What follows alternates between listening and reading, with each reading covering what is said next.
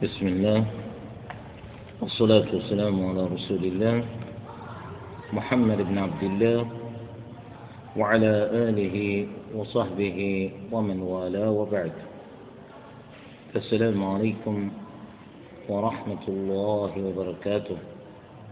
يقول المصنف رحمه الله وفي تكرار الغسل لجماعة الكلاب ولتكرار الكلب الواحد قولان لقد تقرر فيما سبق أن السنة النبوية الصحيحة دلت على وجوب غسل الإناء من غلوظ الكلب فيه. وهذه مسألة مقررة لثبوتها في السنة الثابتة. ولا ينازع في هذا إلا من لم يبلغه ذلك الحديث أو بلغه ذلك الحديث ولما يفهم المراد منه.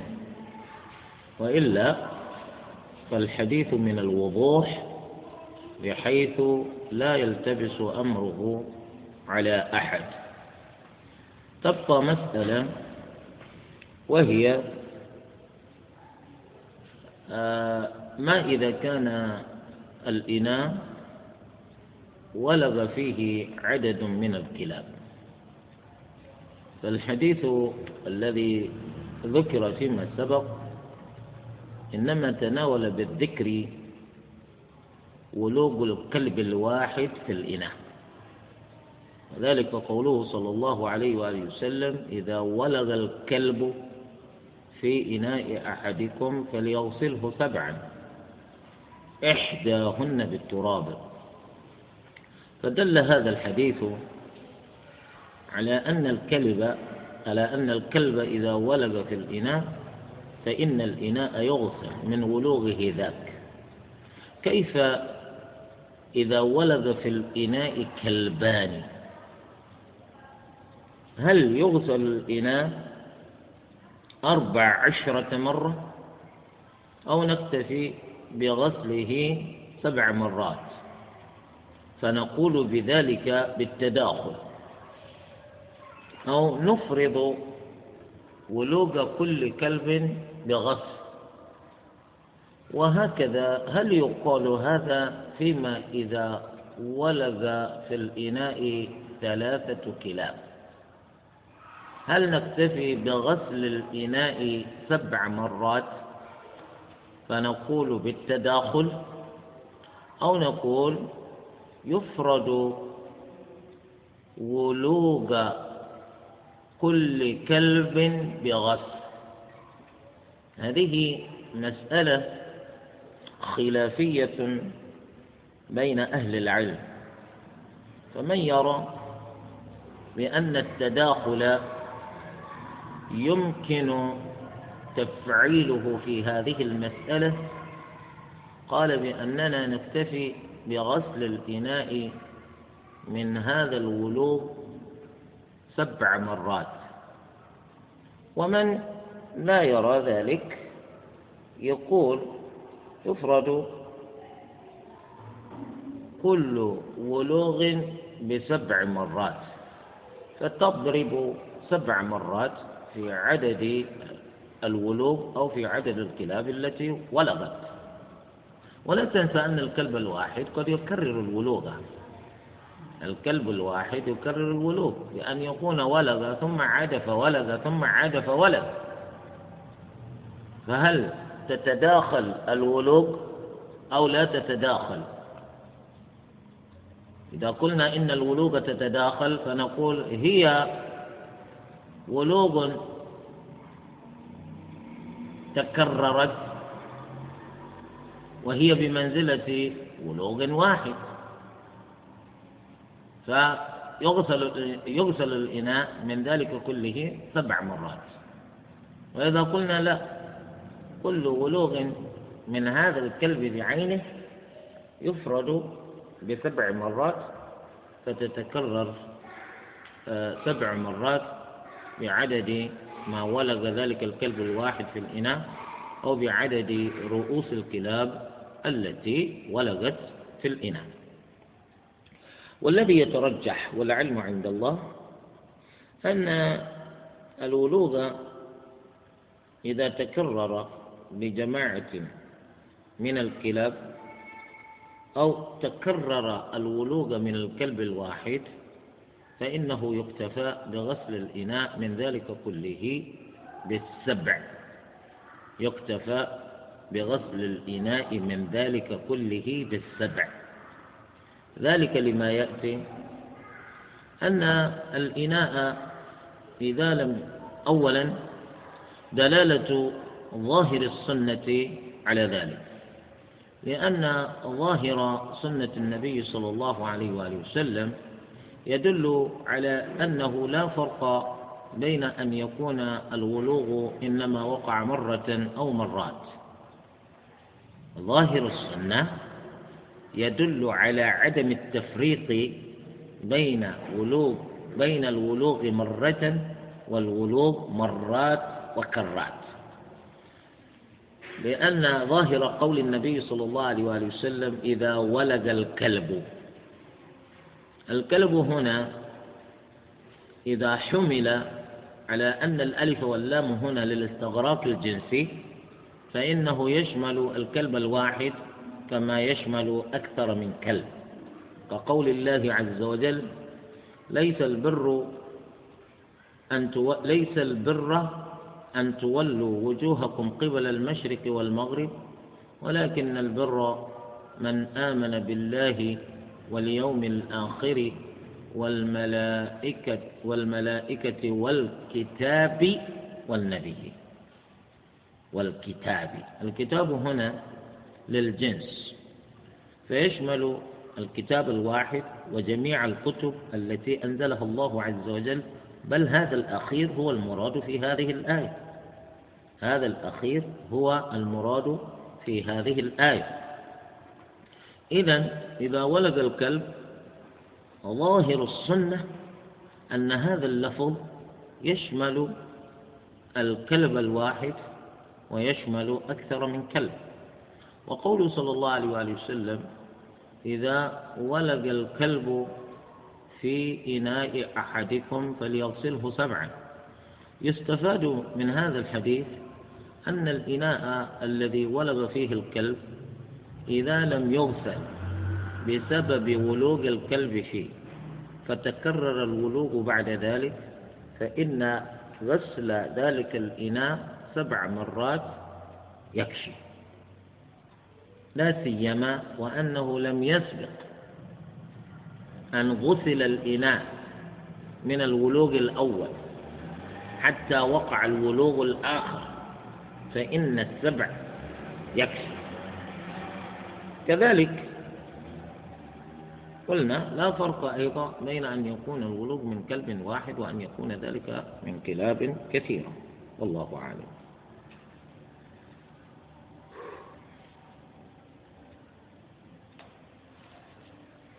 وفي غسله سبعا من ولوغ الكلب المأذون في اتخاذه قولان. طبعا هذا عند المالكية لأن المالكية يرون آه، أن الكلب إذا أذن إذا كان من قبيل الكلاب التي أذنت الشريعة للمسلم أن يتخذه فإن مثل هذا الكلب إذا ولغ في الإناء هل يغسل أو لا يغسل؟ هل يغسل أو لا يغسل؟ لكننا نقول عموم دلالة السنة على أن الكلب إذا ولغ في الإناء فإن الإناء يغسل. هذا يجعلنا نقول بأن لا فرق بين كلب مأذون باتخاذه وكلب غير مأذون باتخاذه. لا فرق. أي كلب. أي كلب ولغ في الإناء فإن الإناء يغسل من ولوغه سبع مرات. والقول الآخر الذي أتى به المالكية لأن الكلب إذا كان مأذونا باتخاذه فولد في الإناء فإنه لا يغسل. وجهة استدلالهم بهذا القول هو أن الله عز وجل أذن لنا بأكل ما صاده لنا الكلب المأذون باتخاذه. وما علمتم من الجوارح مكلبين وقال الله عز وجل فكلوا مما أمسكنا عليكم فكلوا مما أمسكنا عليكم. ولم يأمرنا الله عز وجل بغسل موضع فم الكلب. من ذلك الحيوان المصاد. إذا صدت أرنبا بكلبك المعلم فإن كلبك المعلم يمسك بذلك الأرنب بفمه بأسنانه وفمه. ومعلوم أن الكلب إذا كان إنما أمرنا بغسل الإناء الذي ولد فيه بسبب لعابه. فهو إذا مسك الأرنب يكون في الحقيقة قد غسل ذلك الأرنب بلعابه كله. ومع ذلك يقول المالكية لم يأمرنا الله عز وجل بغسل موضع فمه. ولو كان لعابه في الحقيقة نجسا لأمر الله عز وجل بذلك. ولما لم يأمرنا الله عز وجل بغسل موضع فمه دل ذلك على أنه ليس نجسا عينيا. إنما تلك النجاسة نجاسة حكمية. فبالتالي إذا كان الكلب مأذونا باتخاذه فولد مثل ذلك الكلب في الإناء فإن الإناء لا يغسل بناء على أن الله عز وجل أذن لنا بأكل ما أمسكه لنا مثل ذلك الكلب دون أن يأمرنا بغسل موضع فمه؟ هذا وجه استدلاله لكن نقول الصواب أن الكلب إذا ولد في الإناء سواء أكان ذلك الكلب مأذونا باتخاذه أو غير مأذون باتخاذه فإنه يجب غسل ذلك الإناء من ذلك الولوء سبع مرات وذلك لما يأتي. صحة دلالة السنة الثابتة على وجوب غسل الإناء من ولوغ الكلب فيه. من غير تفريق بين كلب وكلب. ثانيا أن ما استدل به ما استدل به للقول الآخر لا ينسجم مع مسألة الخلاف. لأن المقيس عليه وهو الصيد الذي تم إمساكه بفم الكلب يخالف المسألة التي نحن فيها لأن المسألة مفترضة في ولوغ الكلب في الإناء وليس في إمساك الصيد بالفم ولوغ. فتم إيجاد فرق بين المقيس والمقيس عليه وقد تقرر في علم الأصول أن الفرق قادح يحول دون إفادة القياس مفاده. أي إذا وجد الفرق بين المقيس والمقيس عليه فإن القياس لا ينفع. قالوا ذلك القياس قياس يعتريه قادح الفرق يعتريه قادح الفرق وقادح وقادح الفرق مانع من فعل القياس فعله. من فعل القياس فعله. هذا هو. ثم ثالثا أن المعنى الذي من أجله أمرنا بغسل الإناء من ولوغ الكلب فيه سبعا يتحقق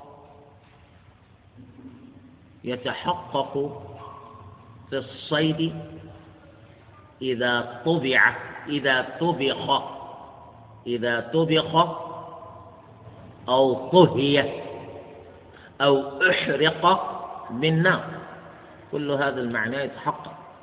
لأنك إذا أحرقت الحيوان أحرقت جلده بالنار الأرنب الذي صدته إذا أحرقت جسمه بالنار فإن هذه النار تزيل عن جسم ذلك الحيوان آثار لعاب فم الكلب كذلك إذا أنت طبخته بوسيلة أخرى فإن إزالة آثار لعاب الكلب يتحقق بذلك أيضا.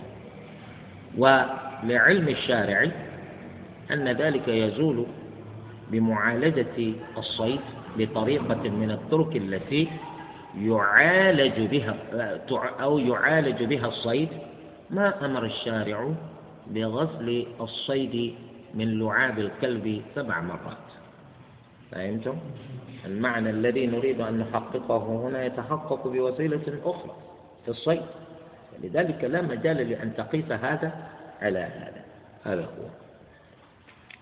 ثم هم يقولون المسألة الثالثة سؤر الخنزير. أكرمكم الله.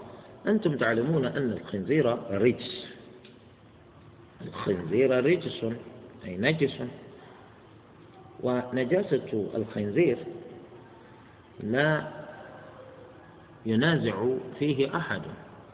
فربنا عز وجل لما ذكر الخنزير ضمن الحيوانات أو الأشياء التي حرمها علينا فوصفه الله عز وجل بأن بأنه رجس أو إنما الخمر والميسر والأنصاب والأزلام رجس لا. أو لحم خنزير فإنه رجس. أو فسقا أحل به لغير الله. فالخنزير نجس أكرمكم الله.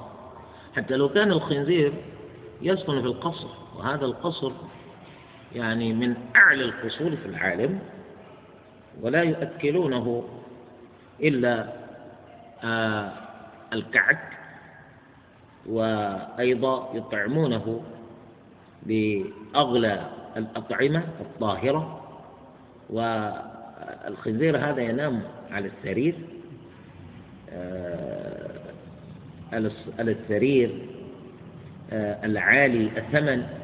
مع ذلك نقول الخنزير نجس مع ذلك نقول أكل الخنزير حرام. فضلا آه، من أنه معلوم من الخنزير سلفا أن الخنزير إنما يقتات على النجاسات وينام ويعيش في النجاسات والقاذورات. فربنا عز وجل حرم الخنزير. هذا الخنزير أكرمكم الله إذا ولغ في الإناء. إذا ولغ في الإناء. هل حكمه حكم الكلب أو ليس حكمه حكم الكلب؟ فمن العلماء من يرى أن الخنزير كلب وزيادة. لماذا؟ لأن الخنزير هذا حيوان أخبث من الكلب وأنجس منه. فما قيل في الكلب؟ على الأقل يقال في الخنزير. فلا ينقص الخنزير عن الكلب في الحكم لاشتراكهما في النجاسة. لكن هذا الكلام هو أخذ بالمعنى على حساب الأخذ بالنص. ومعلوم أننا في الشريعة مطالبون بالاستدلال بالكتاب والسنة للوصول إلى الأحكام الشرعية التي تناط تناط بكل حادث حادث. والرسول صلى الله عليه وآله وسلم إنما أناط الحكم بغسل الإناء سبع مرات بولوغ الكلب دون ولوغ الخنزير في الإناء. ومعلوم أن الخنزير موجود في زمن النبي صلى الله عليه وسلم وقبل زمنه وبعد زمنه. بل قد ذكر الله عز وجل الخنزير في القرآن في أكثر من موضع حيث حرمه علينا أكله ولو كان حكمه حكم الكلب لبينه النبي صلى الله عليه وآله وسلم. ولما, يبي ولما لم يبينه النبي صلى الله عليه وسلم علمنا بذلك أن ثمة فرقا قائم بين حكمه وحكم الخنزير وحكم الكلب. فلأجل هذا نقول قول من ألحق الخنزير بالكلب في وجوب غسل الإناء من ولوغه فيه سبع مرات كالكلب. نقول قوله هذا وجيه من حيث المعنى ولكن لا حظ له من النظر من حيث الدليل. لا حظ له من النظر من حيث الدليل. لأنه قياس يعارض النص فيعتريه قادح فساد الاعتبار. أنت إذا استدللت بمعقول وهذا المعقول الذي تستدل به وإن كان وجيها إلا أنه يعارض نصا شرعيا. فيقال هذا المعقول الذي تستدل به يعتريه قادح وهذا القادح اسمه فساد الاعتبار. أي لا يمكن أن نعتبر دليلك دليلك من جهة المعنى لأنه يعارض النص. لما تقرر في الشريعة أنه لا قياس مع النص. النص إنما جاء بذكر الكلب. كيف تقيس الخنزير على الكلب؟ وليس الخنزير حيوانا جديدا حادثا لم يكن موجودا في زمن النبي صلى الله عليه وآله وسلم حتى نقول هذا حكمه كحكم الارز مع البر. النبي صلى الله عليه وسلم ذكر ما يتعلق بالبر من الربا وأن الربا داخل في البر. البر بالبر مثلا بمثل يدا بيد. والأرز لم يذكر لأن النبي صلى الله عليه وسلم في زمانه وفي مكانه الذي عاش فيه لا علم لهم بشيء اسمه أرز. والأرز هذا إنما عرف بعد وفاة النبي صلى الله عليه وآله وسلم وإن كان من من من مما يزرع في في في بلاد آسيا. ومكة والمدينة داخل آسيا لكن لا أحد لهم بشيء اسمه أرز. فنحن نقول نعم الأرز كالبر يدخل فيه الربا فيحرم فيه كل من ربا الفضل وربا النسيئة. إذ لا فرق بينهما. وليس الخنزير والكلب كذلك. الخنزير معروف ومذكور في القرآن والسنة. والكلب معروف ومذكور في الكتاب والسنة. فذك فخصص النبي صلى الله عليه وآله وسلم أحدهما بحكم دون الآخر فلا مجال لنا لأن نلحق الآخر بهذا الذي ذكر له حكم. لماذا؟ لأنهما معروفان لدى الرسول ولم يجمعهما النبي صلى الله عليه وسلم في حكم. فكيف نجمعهما نحن؟ لذلك القول هنا سؤر الخنزير وهو طاهر هو أيضا ليس وجيها. كلام المالكية لأن سؤر الخنزير طاهر ليس وجيها. يعني الخنزير الآن إذا جاء فأدخل فمه في الماء أنت تأتي تشرب ذلك الماء؟ أو تتوضأ بمثل ذلك الماء؟ لا. نقول لا لأن الخنزير هو نجس. نجس. حتى لو لم نجد النجاسة في فم الخنزير إن النفس تعافى. نفس الإنسان. تأبى عن أن تستعمل مثل ذلك الماء. فلذلك نقول سؤره كما قال الشافعي ليس بطاهر ليس بطاهر ليس بطاهر لأنه خنزير ليس الخنزير كالهر. نحن نقول سؤر الهر طاهر. بخلاف الخنزير. لأن الخنزير في طبعه يتعامل دائما بالنجاسات سواء رأيته وهو يتعامل بالنجاسة أو ما رأيته يتعامل بالنجاسة هو أصله يعيش في النجاسة. ثم يأتي الخنزير الآن يدخل فمه في الماء. ثم أنت تأتي تقول هذا الماء طاهر مطهر؟ لا. فكلام الشافعي هنا وجيه. ثم الخنزير ليس كالكافر الكافر إنسان. قد يتحاشى استعمال النجاسة لأنه يتمتع بعقل وإن كان لا يوجه عقله إلى ما ينفعه دائما.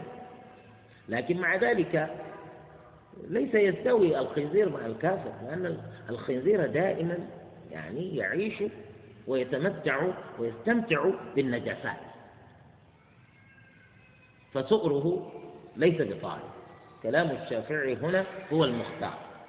لكن في ولوغ الخنزير في الإناء هل يغسل الإناء من ولوغ الخنزير فيه سبعا وهو الذي سبق أن ذكرته لا الصواب أنه لا يغسل سبعا.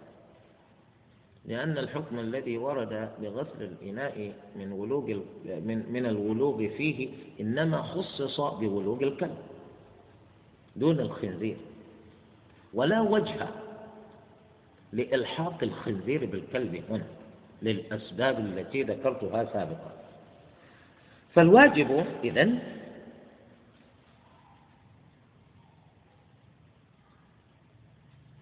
يقول فيه قولان. قول بأنه يغسل سبعا وقول بأنه لا يغسل سبعا والقولان موجودان عند الحنابلة. والمالكية لا يقولون بسبع مرات في المذهب عندهم الذي في القول الذي يفتون به. لكن يوجد عندهم القول الآخر أيضا أنه يغسل سبعا لأنهم يقولون الخنزير كلب وزيادة. فإذا غسل الإناء سبع مرات من ولوغ الكلب فيه فلأن يغسل سبعا في ولوغ الخنزير فيه من باب أولى. الصواب أن الإناء يغسل من ولوغ الخنزير فيه حتى ينقى أي حتى يكون نقيا. حتى يكون نقيا. سواء غسلته مرة غسلته مئة مرة فهمتم؟ يعني تغسله حتى يكون نقيا حتى يكون نقيا هذا الصواب. لأنه لا وجود للدليل الخاص في الشريعة الذي يقول تغسل الإناء من ولوغ الكلب من ولوغ الخنزير فيه سبعا لا يوجد. إنما الدليل ورد في الكلب. هذا هو. المسألة الرابعة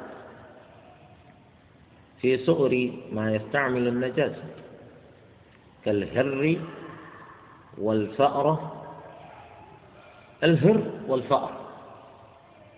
طبعا الهر قد يستعمل النجاسة لكن ليس هذا غالبا عليه. ليس استعمال النجاسة غالبا على الهر بخلاف الفأر. الغالب على الفأر استعمال النجسات ولذلك جاء في حديث أبي أيوب الأنصاري أنه أتى بإناء أتى بماء في الإناء فأتى الهر ليشرب منه وحاول إبعاد الإناء عن الهر. فنهاه النبي صلى الله عليه وآله وسلم عن ذلك فقال له دعه أي اتركه فإنه من الطوافين عليكم والطوافات. فهذا يدل على أن الهر ليس أمره كأمر الفأر. فالفأر هو يتعاطى النجاسات يأكلها يبيت فيها ويستعملها بل هي نفسها نجسة الفأرة نجسة. فما أدري كيف جمعوا بينهما الهرب والفأر قال فإن رؤي في أفوائها نجاسة كان كالماء الذي خالطته النجاسة. أي إذا شرب الهرب في الإناء ورأينا النجاسة في فم الهرب حكم ذلك الماء يكون كحكم الماء الذي خالطته نجاسة. فإن تغير ذلك الماء بنجاسة فم الحرز أو الفأر نقول الماء صار نجسا. فإن تغير بنجاسة صار نجس لم يتغير نقول بقي طاهرا مطهرا. بقي طاهرا مطهرا. ليس بسبب آه، ليس بسبب شرب الهر والفأر فيه يصير نجسا إنما يصير نجسا بما في فمهما من نجاسة. بما في فمهما من نجاسة. هذا هو. فإن تحقق طهارة أفواه أفواه أفواه أفواهها فطاهر وإن لم يعلم فيغتفر.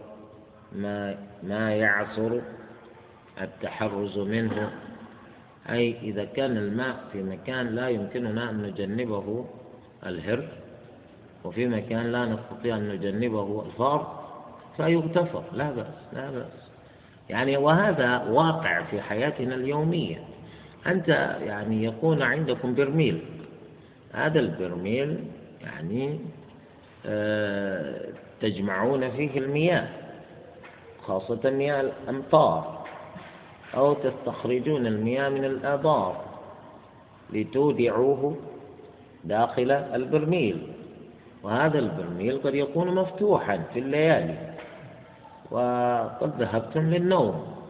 يأتي في الليالي هذه الدواب تأتي هذه الدواب الهرب الفأرة وكذلك الجرذان كلها تأتي لتحتل داخل بيتك في الليل. فهي وهي تبحث عما تسرق لتأكله. يعني تأكل وتأكل ثم تأتي تشرب. تشرب في البرميل فكأنكم إنما جمعتم الماء للهر والفأرة كذلك الجرذان وأنت لا تدري ماذا ماذا حصل للماء وأنت نائم. أنت لا تدري إنما تأتي في الصباح تأخذ منه الماء لتتوضأ تأخذ منه الماء لتشرب. ولا تدري أنك إنما يشاركك في شرب ذلك الماء الهر والفأر والجرذان وكل هذه الأشياء. ولأجل هذا أنت تنتبه إذا تغير الماء يعني إذا تغير الماء إما في لونه أو في طعمه أو في ريحه تعلم أن ذلك الماء يعني لا يمكنك أن تستعمله لشيء من العبادات. وإذا تغير بشيء نجس وأنت علمت بذلك يقينا تحكم على ذلك الماء بأنه صار بذلك نجسا. هذا هو.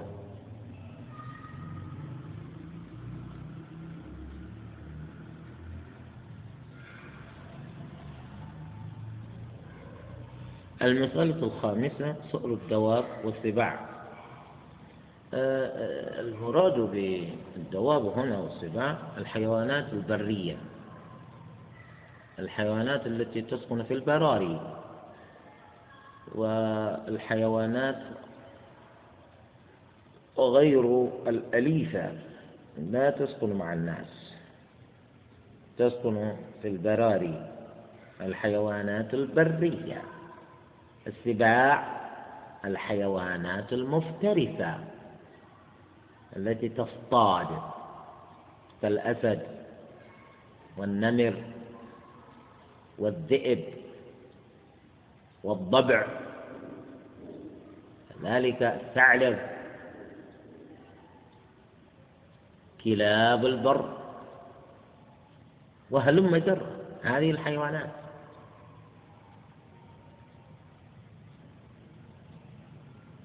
إذا ولغ إذا ولغت في الماء.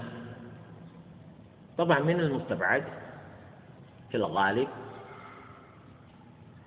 أن يكون ولوغ هذه الحيوانات البرية في الإناء لأنه لا أحد يذهب بالإناء إلى البر من أجل أن يسقي السباع.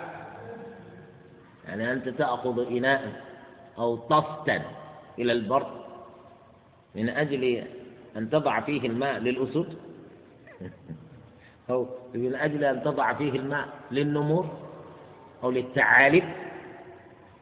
لا أبدا. أو للثعابين. أبدا. أن هذه الحيوانات غير غير غير, غير أليفة. لماذا أنت تخاطر بحياتك؟ توقع بنفسك في المهلكة. من أجل أنك تريد أن تغامر. وإنما هذه الحيوانات يكون ولوغها في الأحواض. كذلك في البرك ماء البركة ماء الحوض مكان يجتمع فيه الماء في البر هذا الماء يورده أو تورده هذه الحيوانات من وقت لآخر أي تأتي لتشرب تأتي لتشرب تأتي لتشرب تشرب وتمشي تشرب وتمشي. إلا أنه ماء راكد لا يجري. يكون واقفا في مكان واحد. لو كان الماء يجري وشرب منه من يشرب منه وما يشرب منه من إنسان أو حيوان لما لما قيل لمثل ذلك الماء سؤر. لأن السؤر إنما يطلق على ما بقي من الماء بعد الشرب منه. أما إذا كان الماء يجري كماء النهر فلا يقال لما بقي بعد أن شربت منه سؤر لأنه ماء يتجدد. تشرب يمشي هذا ياتي غيره. حتى حتى يقال أكرمكم الله لو أن إنسانا تغوط في الماء الذي يجري فإن غائطه لا ينجس ذلك الماء. يجوز لك أن تتوضأ من ذلك الماء. كما أنه يجوز لك أن تشرب منه أيضا لأن الغائط هذا يحمل يحمله الماء ليرمي به في مكانه. لا يتأذى منه أحد. بخلاف الماء إذا كان في حوض أو في بركة فتأتي هذه الحيوانات لتشرب من تلك المياه. وأنت قادم من بعيد. ورأيت تلك الحيوانات تشرب من ذلك الحوض. أو من تلك الأحواض من تلك البركة. أو ما رأيتها تشرب منها ولكنك على يقين بأن السباع تعيش في هذه الغابة. والسباع إذا إذا إذا كانت تعيش في غابة من الغابات فهي أكيد لا تستطيع أن تعيش في في ذلك المكان إلا إذا كان الماء موجودا فيه. فهي تضطر إلى البحث عن الماء من أجل البقاء على الحياة. إذا إذا كان قد تحقق عندك بأن الحيوانات البرية تسكن في مكان ما فتتيقن كذلك بأنها مما ممن تشرب من هذا الماء. الماء الذي بقي في البركة. الماء الذي بقي في الحوض يقال له سؤر سؤر السباع. سؤر السباع. ما حكم سؤر السباع؟ يقولون طاهر عند الإمامين عند الإمام مالك وعند الإمام الشافعي كذلك أحمد بن حنبل. يقولون سؤر السباع طاهر. قال أبو حنيفة الأسآر تابعة للحوم. إذا كانت الحيوانات التي شربت من ماء وأبقت البقية حيوانات يجوز أكلها إذا فسؤرها طاهر. إذا كانت حيوانات إذا كانت حيوانات يحرم أكلها فسؤرها نجس. هذا فقه الإمام أبي حنيفة. يقول الأسآر تابعة للحوم. ويقول غيره من العلماء لا. لا. ليس هذا كبول الحيوانات وفضلاتها لأن البول والروث تابعان للحوم بخلاف السؤر ذلك لما جاء في الأثر أن عمر بن ابن الخطاب رضي الله عنه كان في طريق سفره مرة من المدينة إلى مكة فوقف عند حوض من الأحواض فأراد أن يتوضأ ويشرب من ماء الحوض. فسأل أحد من كان مع عمر عند رجل يرعى ذلك الحوض. يا صاحب الحوض هل هل ترد السباع أحواضك أي هل الحيوانات البرية السباع هل تأتي للشرب من هذا الماء؟ فقال له عمر لا تجبه لا تجبه ما لنا؟ وللسباع ما لنا وما للسباع. تأخذ ما تريد ونأخذ ما نريد. فهمتم؟ السباع تأتي لتأخذ ما تريد من الماء وتمشي. ونحن الناس نأتي أيضا ونأخذ ما نريد من الماء ونمشي. ما يهمنا. السباع تشرب من هنا وما تشرب من هنا. إذا الأصل أن الماء يبقى طاهرا. الأصل أن الماء يبقى طاهرا. ولا أحد يقول لك تغسل الحوض. هم ما يتكلمون عن غسل الحوض هنا إنما يتكلمون عن طهارة الماء أو نجاسته إذا كانت السباع ترد ذلك الحوض. يبقى تبقى مسألة طبعا الصواب في هذا ما ذهب إليه الجمهور. ما ذهب إليه الجمهور من المالكية والشافعية والحنابل أما قول أبو حنيفة لا يصح. لا يصح. القول بأن السؤر تابع للحم قول يجانبه الصواب. قول يجانبه الصواب. لا سيما وقد أتت آه، آثار عن بعض الصحابة تدل على أن آه، سؤر السباع طاهر. تبقى مسألة يعني هذه المسألة هي قديمة جديدة. قديمة جديدة وهي مسألة آه، تربية آه، الحيوانات المفترسة. تربية الحيوانات المفترسة. فمن الناس من يروضون من يروضون الحيوانات المفترسة؟ يأتون بالأسد إلى بيوتهم. يدربونها على العيش بين الناس من غير أن يؤذيهم ويفعلون هكذا بالنمر ويفعلون هكذا بالذئب وبالثعلب وغير ذلك.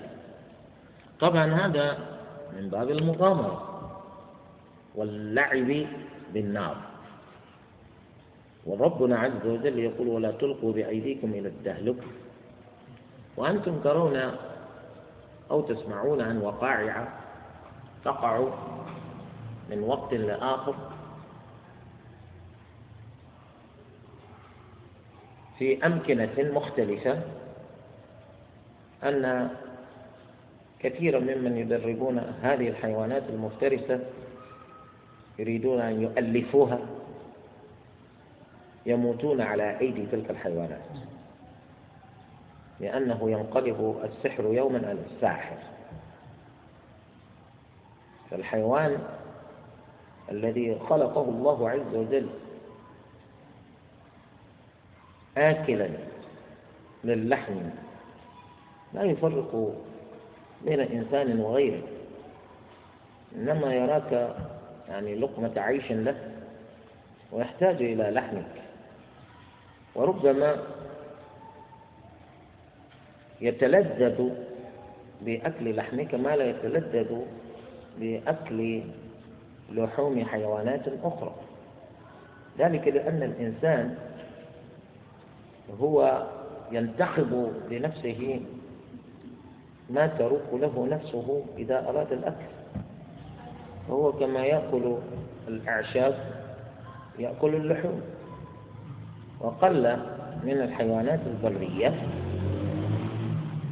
حيوانات تأكل اللحوم كما تأكل الأعشاب بخلاف الإنسان. الإنسان يتنوع يأكل هذا ويأكل هذا.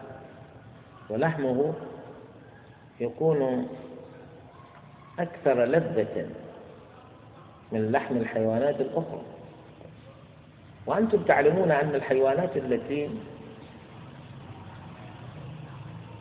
تعيش على أكل اللحوم. وهبها الله عز وجل حاسة قوية في الشم. يعني في أنف تلك الحيوانات قوة خارقة للشم. فإذا فهي إذا شمت شيئا تعرف كيف سيكون هذا؟ كيف يكون طعم هذا إذا أكل؟ وأنت تأتي تقول أنا أدربها. أدرب الأسود. أدرب أدرب النمور. فينقلب عليك حيوان من تلك الحيوانات يوم؟ فيقضي عليك. يأكلك ويشارك في أكلك زملاؤه. لأنهم لا يمكنهم أن يتركوه ينفرد بأكلك هذه مصيبة. الشاهد أن الإنسان إذا أتى إلى بيته بأسد وصار ذلك الأسد في غير قفص كان حرا طليقا يدخل حيث يشاء ويدخل حيث يريد. والأسد هذا ولد في الإناء. ماذا نفعل بذلك الإناء؟ هل الأسد كلب أو ليس بكلب؟ ليس بكلب. إذا نقول حكمه كحكم الخنزير. تغسل الإناء من ولوغ الأسد فيه حتى ينقع. أو نقول هو كلب وزيادة بل هو أبو الكلاب. بل هو أبو الكلاب. لأن النبي صلى الله عليه وآله وسلم دعا على أحد الكفار في مكة بأن يسلط الله عليه كلبا من كلابه. فأكله أسد. اللهم سلط عليه كلبا من كلابك. فكان الكلب الذي سلط الله عليه أسدا. فالكلب أسد وزيادة من حيث الخلقة ومن حيث المكونات ومن حيث التصرفات. كالكلب تماما. ولكن هل السر هل السر في إيجاب غسل الإناء من ولوغ الكلب فيه سبع مرات الاسم أو المعنى. إذا كانت العبرة بالاسم فالأسد ليس كلبا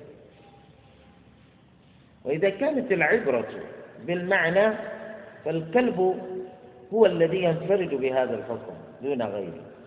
لأن العلماء يذكرون بأن هذا الحكم إنما يتعلق تعلقا قويا بلعاب فم الكلب. بلعاب فم الكلب. أي بريقه بريقه ريق فمه الماء هذا. وهذا هذه الصفة التي في لعاب فم الكلب لا توجد في لعاب فم حيوان آخر. لا يوجد في فم حيوان آخر. ولو أثبت البحث بأن لا فرق بين لعاب فم الكلب ولعاب فم السباع وكان سبع عايشا بين البشر فأدخل فمه في إنائه فإنه يغسل سبعا كما يغسل الإناء من غلوب الكلب فيه سبعا عيبا وإنما النبي صلى الله عليه وسلم إذن ذكر الكلب في الحكم بناء على الغالب لأن الكلب هو الذي يعيش بين الناس. أما الأصول والنمور وكذا لا تعيش بين الناس. إلا بعد أن أدخلها في بيوتهم المغامرون. إلا بعد أن أدخل المغامرون الأسود في بيوتهم. هذا هو. ثم يقول الباب الفصل الثالث في الأواني. وفيه أربع مسائل. طبعا الأواني هي الأدوات التي يستعملها الناس في حياتهم. كالصحون والأكواب. وما شاكل ذلك. الأحكام الشرعية التي تعتري هذه الأواني هي التي المصنف بصدد بيانها. فقال وفيه أربع مسائل. المسألة الأولى يجوز اتخاذ الأواني من جلد المذك من جلد المذكى الجائز الأكل إجماعا. أي يجوز لنا أن نتخذ مزادة. مزادة. الوعاء الذي يصنع من جلد. يضعون فيه الماء. يحمله المسافر معه في سفره.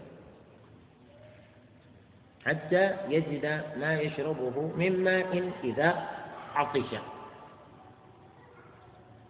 كذلك الجلد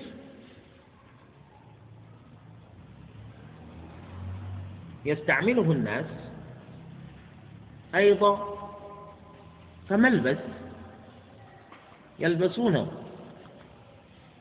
يستعملونه كفرش يفترشونه في بيوتهم. وهلم جرة. يقول يجوز اتخاذ الأواني من جلد. أي يجوز لنا أن نصنع مزادة مثلا من جلد. يجوز لنا أن نصنع مزادة من جلد.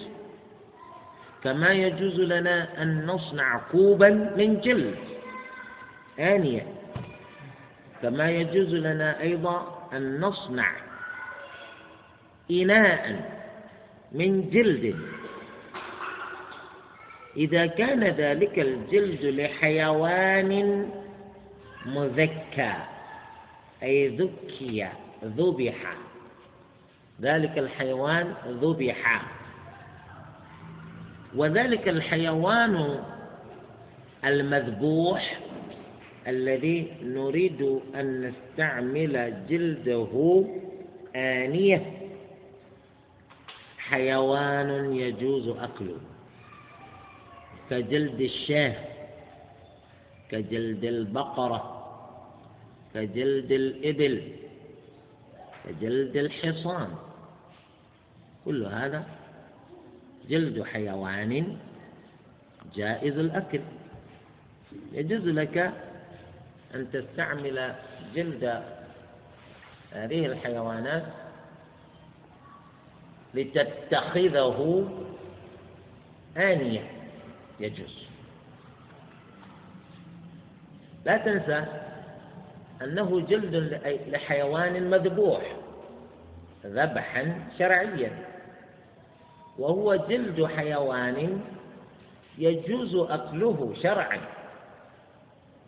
هذا بلا خلاف يجوز اتخاذ الأواني من مثل هذا الجلد. هذا بدون خلاف. واختلف في جلد المذكى المحرم الأكل.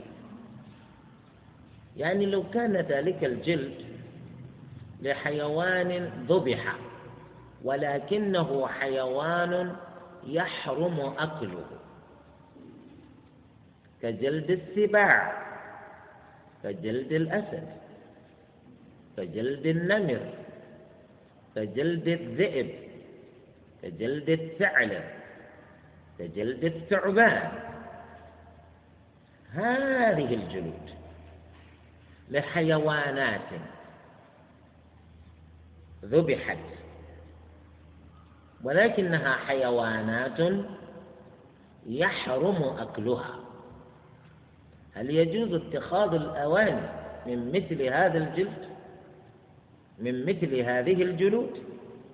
خلاف بين العلماء. إذا ولماذا ذبحتم تلك الحيوانات؟ ماذا تستفيدون من ذبح تلك الحيوانات؟ حيوانات لا يجوز لكم أن تأكلوها وأنتم تذبحونها ما عندكم عمل؟ أنت تذبح الأسد من أجل أن تأخذ جلده. تذبح النمر من أجل أن تأخذ جلده. لماذا؟ تذبح الثعبان من أجل أن تأخذ جلده. لأن الجلد هذا لا يفيد شيئا. الذبح هذا لا يفيد شيئا. لأنه لا يفيد جواز أكل ذلك الحيوانات أكل تلك الحيوانات. كذلك لا يفيد كذلك هل يفيد خلاف. هل يفيد جواز الاستفادة من جلد تلك الحيوانات؟ ولذلك يقول واختلف في جلد المذكى المحرم الأكل كالسبع لكن الصواب أنك ذبحته أي الحيوان المحرم الأكل أم لم تذبحه بأن يكون مات حتف أنفه مات بدون ذبح؟ يجوز لك أن تستفيد من جلده هذا الصواب من القولين. لأن النبي صلى الله عليه وآله وسلم مر يوما في طريق من طرق المدينة فوجد الصبيان يجرون شاة ميتة. فقال النبي وهي شاة لميمونة زوج النبي صلى الله عليه وآله وسلم. فقال النبي صلى الله عليه وآله وسلم هل انتفعتم بإهابها؟ أي لماذا لا تستفيدون من جلدها؟ فقالوا إنها ميتة. قال النبي صلى الله عليه وسلم وإن كانت فإن كانت. أيما إهاب دبغ فقد طهر أيما إهاب دبغ فقد طهر أي إذا عولج الجلد فإنه يصير طاهرا. فذكي ذلك الحيوان أو لم يذكى. هذا الصواب. وأما جلد الخنزير فنجس على الإطلاق. هذا إذا إذا قلنا بأن للخنزير جلدا. هل للخنزير جلد؟ هذا خلاف بين العلماء. لا لا لا لا خلاف بين العلماء لأن للخنزير شعرا. في جسمه شعر. واختلفوا في هل له جلد أو ليس له جلد. ما نعلم الذين يقولونه هم الذين يستطيعون أن يفيدون هنا بالمعلومة التي عنها نبحث. نقول لهم يا أكلة الخنزير. يا ترى هل للخنزير جلد؟ يا أيها الخبثاء.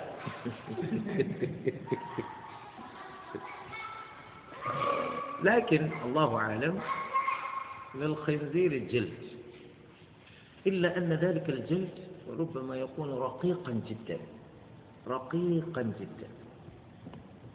فلأجل هذا اختلف العلماء هل له جلد أو ليس له جلد؟ ويقول وأما جلد الخنزير إذا كان له جلد طبعا فنجس على الإطلاق لأن جلده تابع للحمه. والجلد أيضا في الحقيقة لحم. الجلد أيضا في الحقيقة لحم لأنكم يعني أنتم لا تحتاجون إلى من يبين لكم هذا في أفريقيا. الناس يأكلون جلود الحيوانات كما يأكلون لحومها. أنت تأكل جلد الشاة تأكل جلد البقر تأكل جلد الإبل. هذا في كل مكان في العالم معلوم. اللهم إلا إذا كنا يعني نريد أن نستفيد من تلك الجلود في الصناعات فإننا نستخرجها ثم تدبغ لتباع في الأسواق. وإلا الجلود أيضا لحوم. فجلد الخنزير نجس. يعني واحد يأتي يقول أنا أصنع لكم مزادة. من جلد خنزير نقول لا بارك الله لك في مزادتك.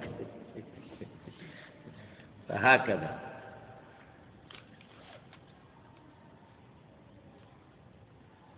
وأما جلد الميتة بس نقف هنا. نسأل الله عز وجل أن يعلم أن يعلمنا ما جهلنا وأن ينفعنا بما علمنا وأن يزيدنا علما. سبحانك اللهم وبحمدك أشهد أن لا إله إلا أنت أستغفرك وأتوب إليك.